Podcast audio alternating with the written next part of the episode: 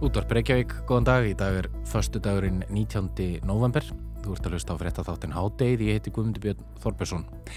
Íslenska karlalandsliði Körubolta hefur leikið undakeppni heimsmeistaramótsins þegar liðið sækir hollendinga heim í Amsterdam næstkomandi förstu dag. Því næst leikur liðið gegn rúsum.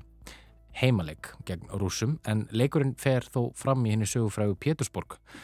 Býturum við, er þetta ekki heimalegur? Jú, svo sannarlega, en íslenska liðið má ekki leika heimaleiki sína hér á landi vegna aðstöðuleysis. Lögutarsöllin hefur lengi verið á undanþáu frá bæði alþjóða handknallegssambandinu og alþjóða korknallegssambandinu vegna ímessa mannkanta. En nú er lögutarsöllin óleikfær vegna leka þar á síðast ári og FIBA alþjóða korknallegssambandið hegst ekki veita KKÍ undanþáu ofan á undanþáu. Þetta er niðurlegandi, segir formaður KKI. Við ræðum hann í síðar hluta þáttarins og við Helgu Margreti Hörskustóttur í þróttafrættamannum aðstöðu leysi íslensku landsliðana.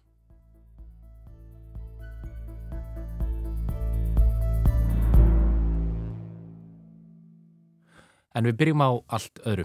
Á hverja ári geta landsmenn sett inn tillögur á vefrúf um orð ársins. Ímis orð eru fyrirferða meiri umræðan en önnur á síðast ári voru orðin þríeikið og sótt kvívalin orð ársins af auglúsum ástæðum og orð eins og gerenda meðverkni eða þólenda þökkun getur komið sterkinn í ára af auglúsum ástæðum sömu leiðis. Ég var að velta þessu fyrir mér í gerð þegar ég sá nafnárðinu Gate bregða fyrir einu sem oftar á samfélagsmiðlunum Twitter við þekkjum öll þessi fallu dýr, geitur en orðið hefur rutt sér til rúms í íslensku mála og undarförnu í allt annari merkingu og er nú notað til að lýsa einhvers konar snillingi eða mestara, einhverjum sem er einfallega bestur.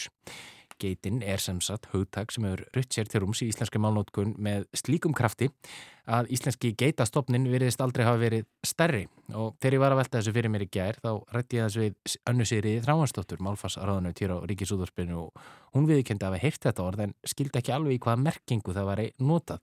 Að öðru leiti en um raunverulegar geitur, það er dýrin. Og ef málfarsraðanutur rúfur í vandraði með að skilja þetta, þá var njú ekkit annað í stöðun en að taka þetta orð almennilega fyrir hér og fá þessa nýju nótkun á reyndi eitt skipti fyrir öll Til þess er komin Alli Fannar Bjarkarsson til að örskýra geitina. Velkomin Alli. Takk.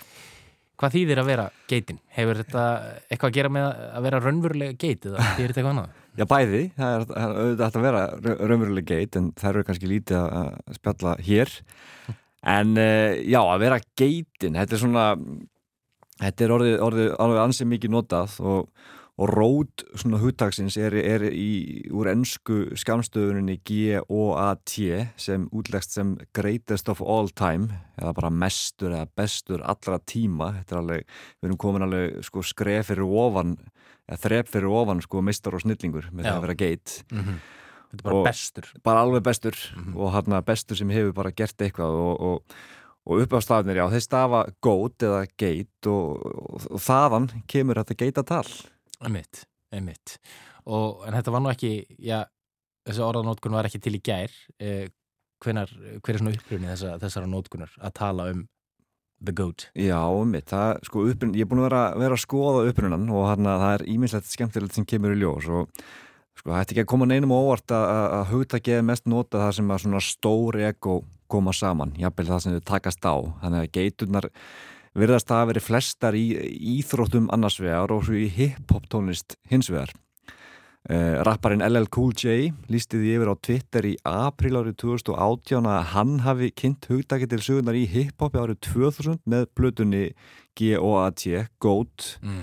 og hann fullirti að, að heiðurinn var í hans og, og, og kvatti fólk í leðinni til, til að móðgast ekki yfir því mm -hmm. Uh, eh, LL Cool J verist að hafa svona ímislegt til, til síns máls en hann hafði raun að lísta yfir því að hann væri bestur allra tíma, the greatest of all time í, í læginu 4-3-2-1 frá árunni 1997 og svona síðan þá hafa mjög margi rappar að nota, notað hugtaki í, í tónlistinu sinni. Uh, Jay-Z, Lil Kim, Young Thug eru, eru þeirra á meðal En svo svona um árið 2016 var algjör sprenging í nótkunn á hugdækina sem að bara hver rapparinn að fætur öðrum hefur svona líst yfir að hann, hann eða hún sé hinn eina sann að geit.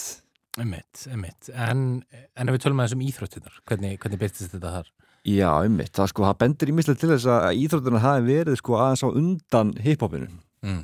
Uh, sko þú Michael Jordan og Serena Williams, eh, Simone Biles Lionel Messi, þau gera öll tilkall til þess svona eh, geitar titillins þau eru í raun öll geitur á sínu sviði. Já, já.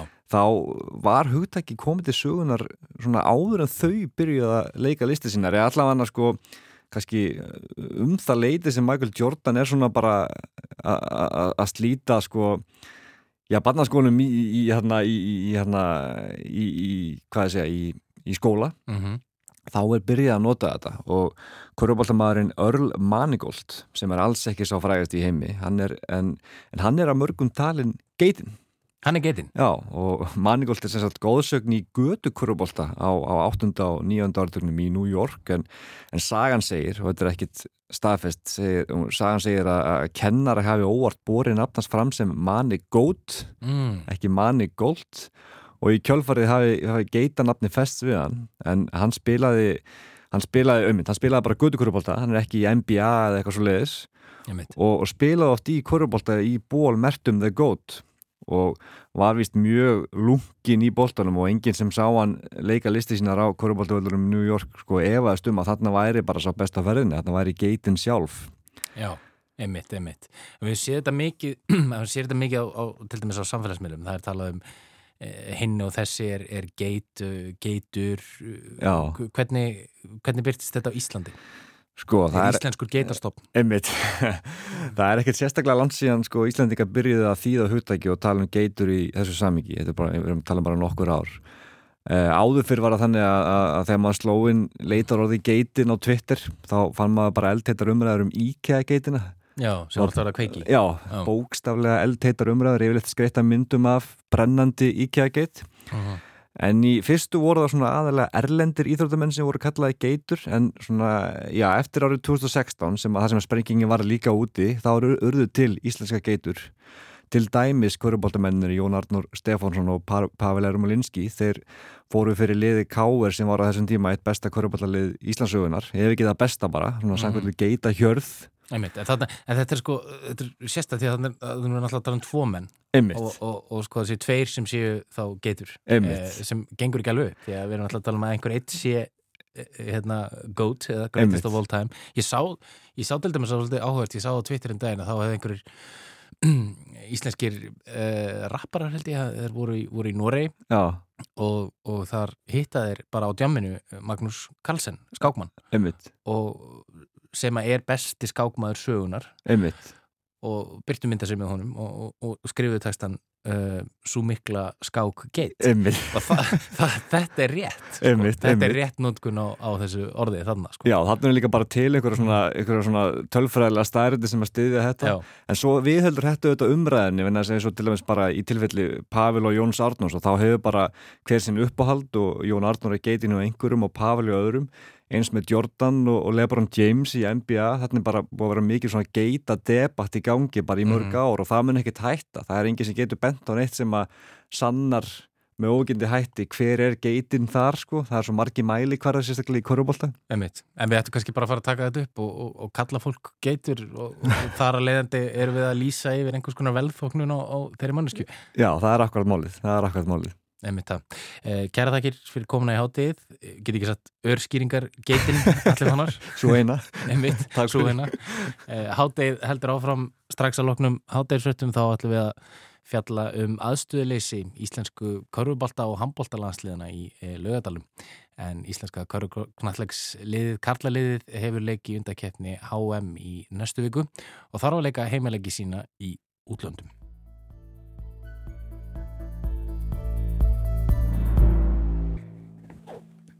Íslenska karlalandsliði Körfubólta fær ekki að spila heimalegi sína í undakefni heimismestramótsins 2023 á Íslandi. Laugatasöll, eini löglegi keppnisöllur landsins með undanþáu, er ónótæfur og FIBA, alþjóða Körfugnallegsambandið, samþykti ekki að veita aðrara undanþáu fyrir annan keppnisöll. Og það sama svipaðsögu er að segja af handbóltalansliðinu. Þá hafa hávarar rattir lengi kallað eftir nýjum þjóðarleikvangi í fótbólta. Helga Margret Hörskursdóttir, Íþróttafrættamæður, hinga komin til að ræða þessu mál. Velkominleika. Takk hella. Nú er íslenska korfbaltarlandslið, karlalið, að hefja leik í undaketni HM og liðir í reyli með Ítalíu, Rúsum og Hollandi. Við tölum kannski aðeins betur um hvaða vendingar við höfum til þessa liðs uh, hér á eftir. En einblinum núna á þessu ótrúlega staðrænd að íslenska liði það má ekki spila heimaleiki sína á Íslandi. Liðið á heimaleik við Rúsa 29. november en sáleiku verður í Pétursborg í Rúslandi. Hvað er úrskupunum er í gangið hérna? Já, þetta er frábær spurning sem að kannski margir eru búin að velta fyrir sér eh, allt og lengi af því það er lungu vita að lögandasöldin uppfyllir ekki alþjóðlega kemnistagla þegar að kemur að þá eh, handbalta og karubálta þessum, þessum inni íþróttum og eh, svo kemur það sérstu upp að það legur í höllinni á þess að ég sé nú með nákvæmlega lýsingar á hvað nákvæmlega gerist, það er held ég búið að vera viðsnæst ykkur í golvefnum og ykkur svona alls, allsherjar yfirhalningu og svo eru þetta búið að vera bólusetja þannig mm -hmm. þannig að það svona andars ég sé vissum að það sé eitthvað nákvæmlega það sem hefur tafið þá hefur það augljóslega tafið að það sé bara búið að vera þú veist það var náttúrulega lengi í, í, í hérna vor mm -hmm. bara fullt úr fólki alla daga þá lítið þetta að vinna mm -hmm. Og af því að uh, lögdagsvöldin er ekki tiltæk þá þurfti KKÍ að byggjum að fá að leika annar staðar og það voru sérstætt ásvellir sem er svona hitt stóra íþrættahúsið en það er samt ekki, uppfyllir heldur ekki þessa staðla. Og þá sagði allþjóð að e, Karugnathegs sambandi bara stopp. Og það væri ekki eftir að veita undan þáu ofan á undan þáu og til þess að spila í húsi sem að uppfyllir heldur ekki neina staðla sko. Og.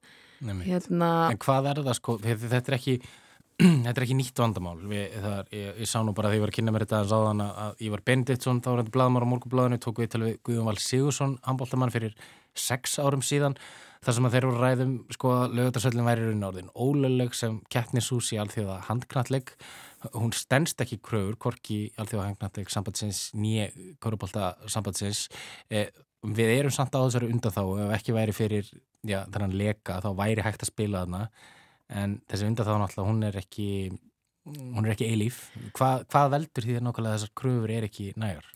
Já, sko, kannski fyrst Já, sko, kannski fyrst af því þú segir að hún er ekki eilíf þessu undan þá að þá sagði hérna Hannes formar KKI einmitt í viðtali rétt eftir að þetta e, var tilkynnt að, að ástæðan fyrir að FIBA hafi verið að veita þessu undan þá var svo að þeir voru að búast við því að það var búið að vera að segja þá að það er nýr nýr völlur að koma, það er nýr höll á leiðinu, það er nýr höll á leiðinu, við þurfum bara undan þá að þanga til að hún er klár og svo hefur náttúrulega ekkert bólað á þeirri höll uh -huh. sem er svona ástæðan fyrir því að FIBA er ekki tilbúið til að gefa okkur neitt slaka en e, þetta er auðvitað batsist tíma þessu höll, hún er teiknur ára 1959 og, og við 1965 og af því að hún er byggð fyrir 56 árum og teiknuð fyrir 62 árum þá er náttúrulega bara fullt sem að er alls ekki upp í þegar staðla sem við viljum að Íþrættahús séu í dag. Já, það eru svona örgisatrið Já, það eru örgisatrið, það eru fjölmiðla aðstæða það eru áhörvenda aðstæða þú veist, einmitt fyrir hérna, staðsendinga fyrir myndatökur og eitthvað svoleiðis í, í svona stórum alþjóðlegum keppnum mm -hmm. sem að þessi höll bara einfalla já, hefur ekki Einmitt. Eh, Martin Hermansson, okkar besti korfbóltumæður, hann er í íslenska landsleisóðnum fyrir komandi leiki en hann er í tvö ár síðan hann spilaði landsleik síðast. Kristjana Arnarsdóttir, kollegiðinn, hún rætti við hann um, já, akkurat þetta og þetta aðstöðu leysi í gerðu. Skulum að heyra hvað Martin hafði að segja. Þetta er náttúrulega bara óbóðlegt að, hérna, að eh, korfbólti og handbólti, eh, bara tværast stæðstu íþróttum í, heiminum hafi bara ekki pláss á Íslandi til þess að spila landsleikin þetta er bara, ég var að segja strákunum í liðinu þetta hérna, að ég vissi að þurftum að breyta leiknum við rúsa því að við ættum ekki hús þess að spili og, og þetta orðin bara svona léttu brandari hérna innan liðsins að hérna get ekki mannað eitt leik í körubólta þetta er bara, já, algjörlega óbóðlegt og menn voru að grínast með að það eru bara sveitabægir í, í Slóvinni og Fraklandi og Spáni og hvað sem er sem að getur haldið þessa leiki fyrir okkur ef, ef við þurfum á því að halda sko. Við heyrum að það helga Martin, hann, hann er ekki ánægð með þetta. Nei, bara mjög skiljanlega og það tjáðum sér nú fleiri um máli á Twitter í gær, Jón Axel Gumundsson sem að spila korrabald á Ítalíu sagði bara eila sömu sögu að ítalsku liðsfélag hans gerur bara grína ánum að, að það væri ekki hægt að spila korrabald á Íslandi í löglegu húsi og af því að þeir tala hann um Sveitabæi eða hann, Martin, tala um Sveitabæi í Slóvinni og Spáni og eitthvað, þeir getur haldið þessa hérna, leiki, þá eru frændur okkar færiðingar náttúrulega búin að staðfesta það að nýr þjóðarlenga okkur verður byggður þar mm -hmm. þannig að þú veist þetta er ótrúlega fáranlegt að, að bara, þú veist, án þess að ekki að lítur færingum að, að það, það, það sústærða þjóð geti byggt löglegan þjóðleikong en við Íslinga getum það ekki. Emitt og þá kannski verðt að skoða svona í hvaða farvegi þetta er hér á landi því að í upphafi síðast árs þá, þá sendi menta manningamálaráðundið frá sér tilkynningum að það væri búið að skipa starfshóp sem ætti að koma með ja, tillegur um, um nýjan þjóðarleikvang fyrir innan hús íþróttir og í þessum starfshópi eru meðal annars ja, formaður HSI og Hannes S. Jónsson sem er formaður uh, KKI, Körnkvæðarflöks sambandsins. Ég heyriði í Hannesi nú rétt fyrir háti og spurði hann einfallega ja, um stöðuna á þessum starfshópi og, og vinnu hans. Sko, já, þessi starfshópu var skipaður og vann vel í nokkra mánuði og hérna skilaði til og skilaði rauninni skýslu til ráþerra í uh, september-oktober í fyrra, sem það var annarkot september-oktober, þá uh, sama ár, sem sagt 2020 og í reyninu má segja lítið hafi gæst síðan þá og það er kannski aðalmálið af því að uh, skýslunum var skilað og það er það sem ég hef bent á líka undanverðið. Það hefur bara ekkert komið eitt síðan fjármagn með. Það er eitt að skila skýslu og það er eitt að fara í þessa vinnu og við höfum verið í þessu vinnu. En ríkisvaldið þarf að fara að koma þessu inn í fjármál áhengluðuna og það er stóra málið. Við þurfum að fara að fara að sjá fjármagn í, í rauninni þjóðarleikongin þannig að, þannig að það fara að gerast eitthvað meira en bara skýslur og meira en bara orðstjórnmálumanna og ég er bara nokkuð bjassítn á það og ég í rauninni í einfældni minni ætla að vona heitt og innilega að í nýjum stjórnarsáttmála sem við sjáum vonandi á allra næstu dögum sé kannski eitthvað sem að komi inn á þjóðarleikonga í því þannig að þetta fari í fjármáláallinu og við förum að fara að sjá það gerast að það sé full alvara hjá stjórnmálamönnunum að fara í þessa vinnu. Hvað lögðu þið fram? Hvað lögðu þið til í, í þessari skýslu? Var það að gera þennan þjóðarleikongja eða keppnishæfan eða voru það að fara fram á eitthvað meira eða hvað er svona það sem þið viljið sjá? Skýslan er reyni bara í reyni settu við fram svona tilbúið hús í reyni þannig að það væri bara ekkert að fara hérna, fá fleiri, fleiri að borðinu og fara bara að tekna og, og, og hérna og, og moka og bara hérna fara út í og við horfum á, við horfum á það hér í laugadalunum það er ákveði pláss hérna sem er við laugadalsöllina og það var þetta tengið þetta saman með laugadalsöllina og þetta því svolítið svona eins og hús íþrótta þarna yrði ímis aðstæð ekki bara þjóðarleikongu sem slíkur og heimavelli landsliðana heldur þarna er þið líka skrifstofur sérsambanda, skrifstofur uh, hérna ISI og fleiri. Uh, það, þarna væri sjúkraþjálfun fag, má segja allt sem snýra faglega þættunum fyrir íþróttamenn, þannig að húsi væri svolítið lifandi, þannig að væri starfsemi í húsinu, því að svona hús það náttúrulega líka standa undir sér fjárhastlega ekki bara það að þetta sé þjóðarleikongur og fyrir æfingar og leiki, heldur það er ímið sönnu starfsem að vera. Og við sáum þetta fyrir okkur hér í lögadalunum, en það er heldur ekkit mín personulega skoðinu svo að þetta hús getur þessna orðið hvar sem er annar staðar á landinu. Það þarf ekki endilega verið Reykjavík þótt að eh, maður sé svona helst á því að sjá þetta í lögatalunum. Og það er svona það sem við lögðum til og við lögðum í rauninni til bara svona fullbúna tillögum það hvernig svona eh, þjóðarleikongu gæti orðið fyrir allar íþróttagreina sem hægt er að hafa í enni íþróttum. Emitt. Nú er staðan svo, Hannes, uh, nú, er, nú hefur það í rauninni gerst sem hefur verið talað um lengi að íslensku liðin e, einfallega megi ekki spila heimaleginu sem í Íslandi og nú horfum við fram á það að íslenska karlalandsliði Körubólta sé að fara að spila sinn heimaleg gegn rúsum í Petersborg í lókmánaðar. Er þetta ekki bara eiginlega niðurlegandi? Er það ekki bara orðið sem við getum notað? Það er bara akkurat orðið. Og það er það sem við erum búin, að benda át í mörg ár. Og mann finnst maður að vera eins og svona rispu plata. Og hérna þetta, þess vegna er þetta svona ennþá meira svekkjandi. Og þess vegna líka var það sem að Pípa sagði bara, hörðu, þú ert búin að fara hér og að káku, ég er búin að tala um þetta í mörg ár og það sé eitthvað að fara að gerast. Við sjáum bara ekki tilþrifur, það er ekkert sem þið getur bent okkur á að sé að gerast. Þannig að það var ástæðan og auðvitað er þetta nýðurlægandi og svo gætu við lendið í meiri síðan núna í lok februar þá, við, þá er töfluröðin hjá okkur þannig að í þessum riðlega við bæði heimaleik og útileik við Ítalíu í lok februar, þeir tvei leikir. Og það stefnir allt í það að báðir þeir leikir þurfa að vera á Ítalíu Þannig við séum að líka sko að fara í lok februar að spila tvo leiki á Ítalíu þegar annar leikurinn hefði geta verið heima. Þannig að í rauninni er þetta bara mjög niðurlegandi og eins og uh, okkar leikmenn hafa bent á bara undanfarnar daga til dæmis þegar þeir að segja sínum uh, kollegum frá þessu annars þær í heiminum veist, og í sínum. Það er náttúrulega bara brosa það og pípa önnu sambandi kringum okkur, þú veist, eins og hérna Norðurlöndunum manna, þeir skilja bara ekki í þessu vegna þess að árangur íþróttafólksins á Íslandi hefur verið mjög góður undanförnum áratögum og við hefum verið að gera góða hluti og mönnum, menn, menn búast bara við því að ríkisvaldi síni afreiksíþróttafólki nokkuð meiri virðingu en hefur verið að gera í því ástandi sem við erum þá komin í akkurat núna og því miður er að raun gerast það sem við höfum verið að benda á.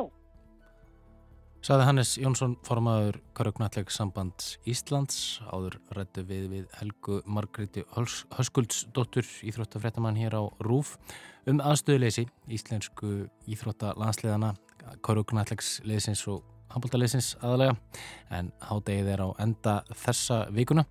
Við verum hér aftur á sama tíma eftir helgi. Verið sæl og góða helgi.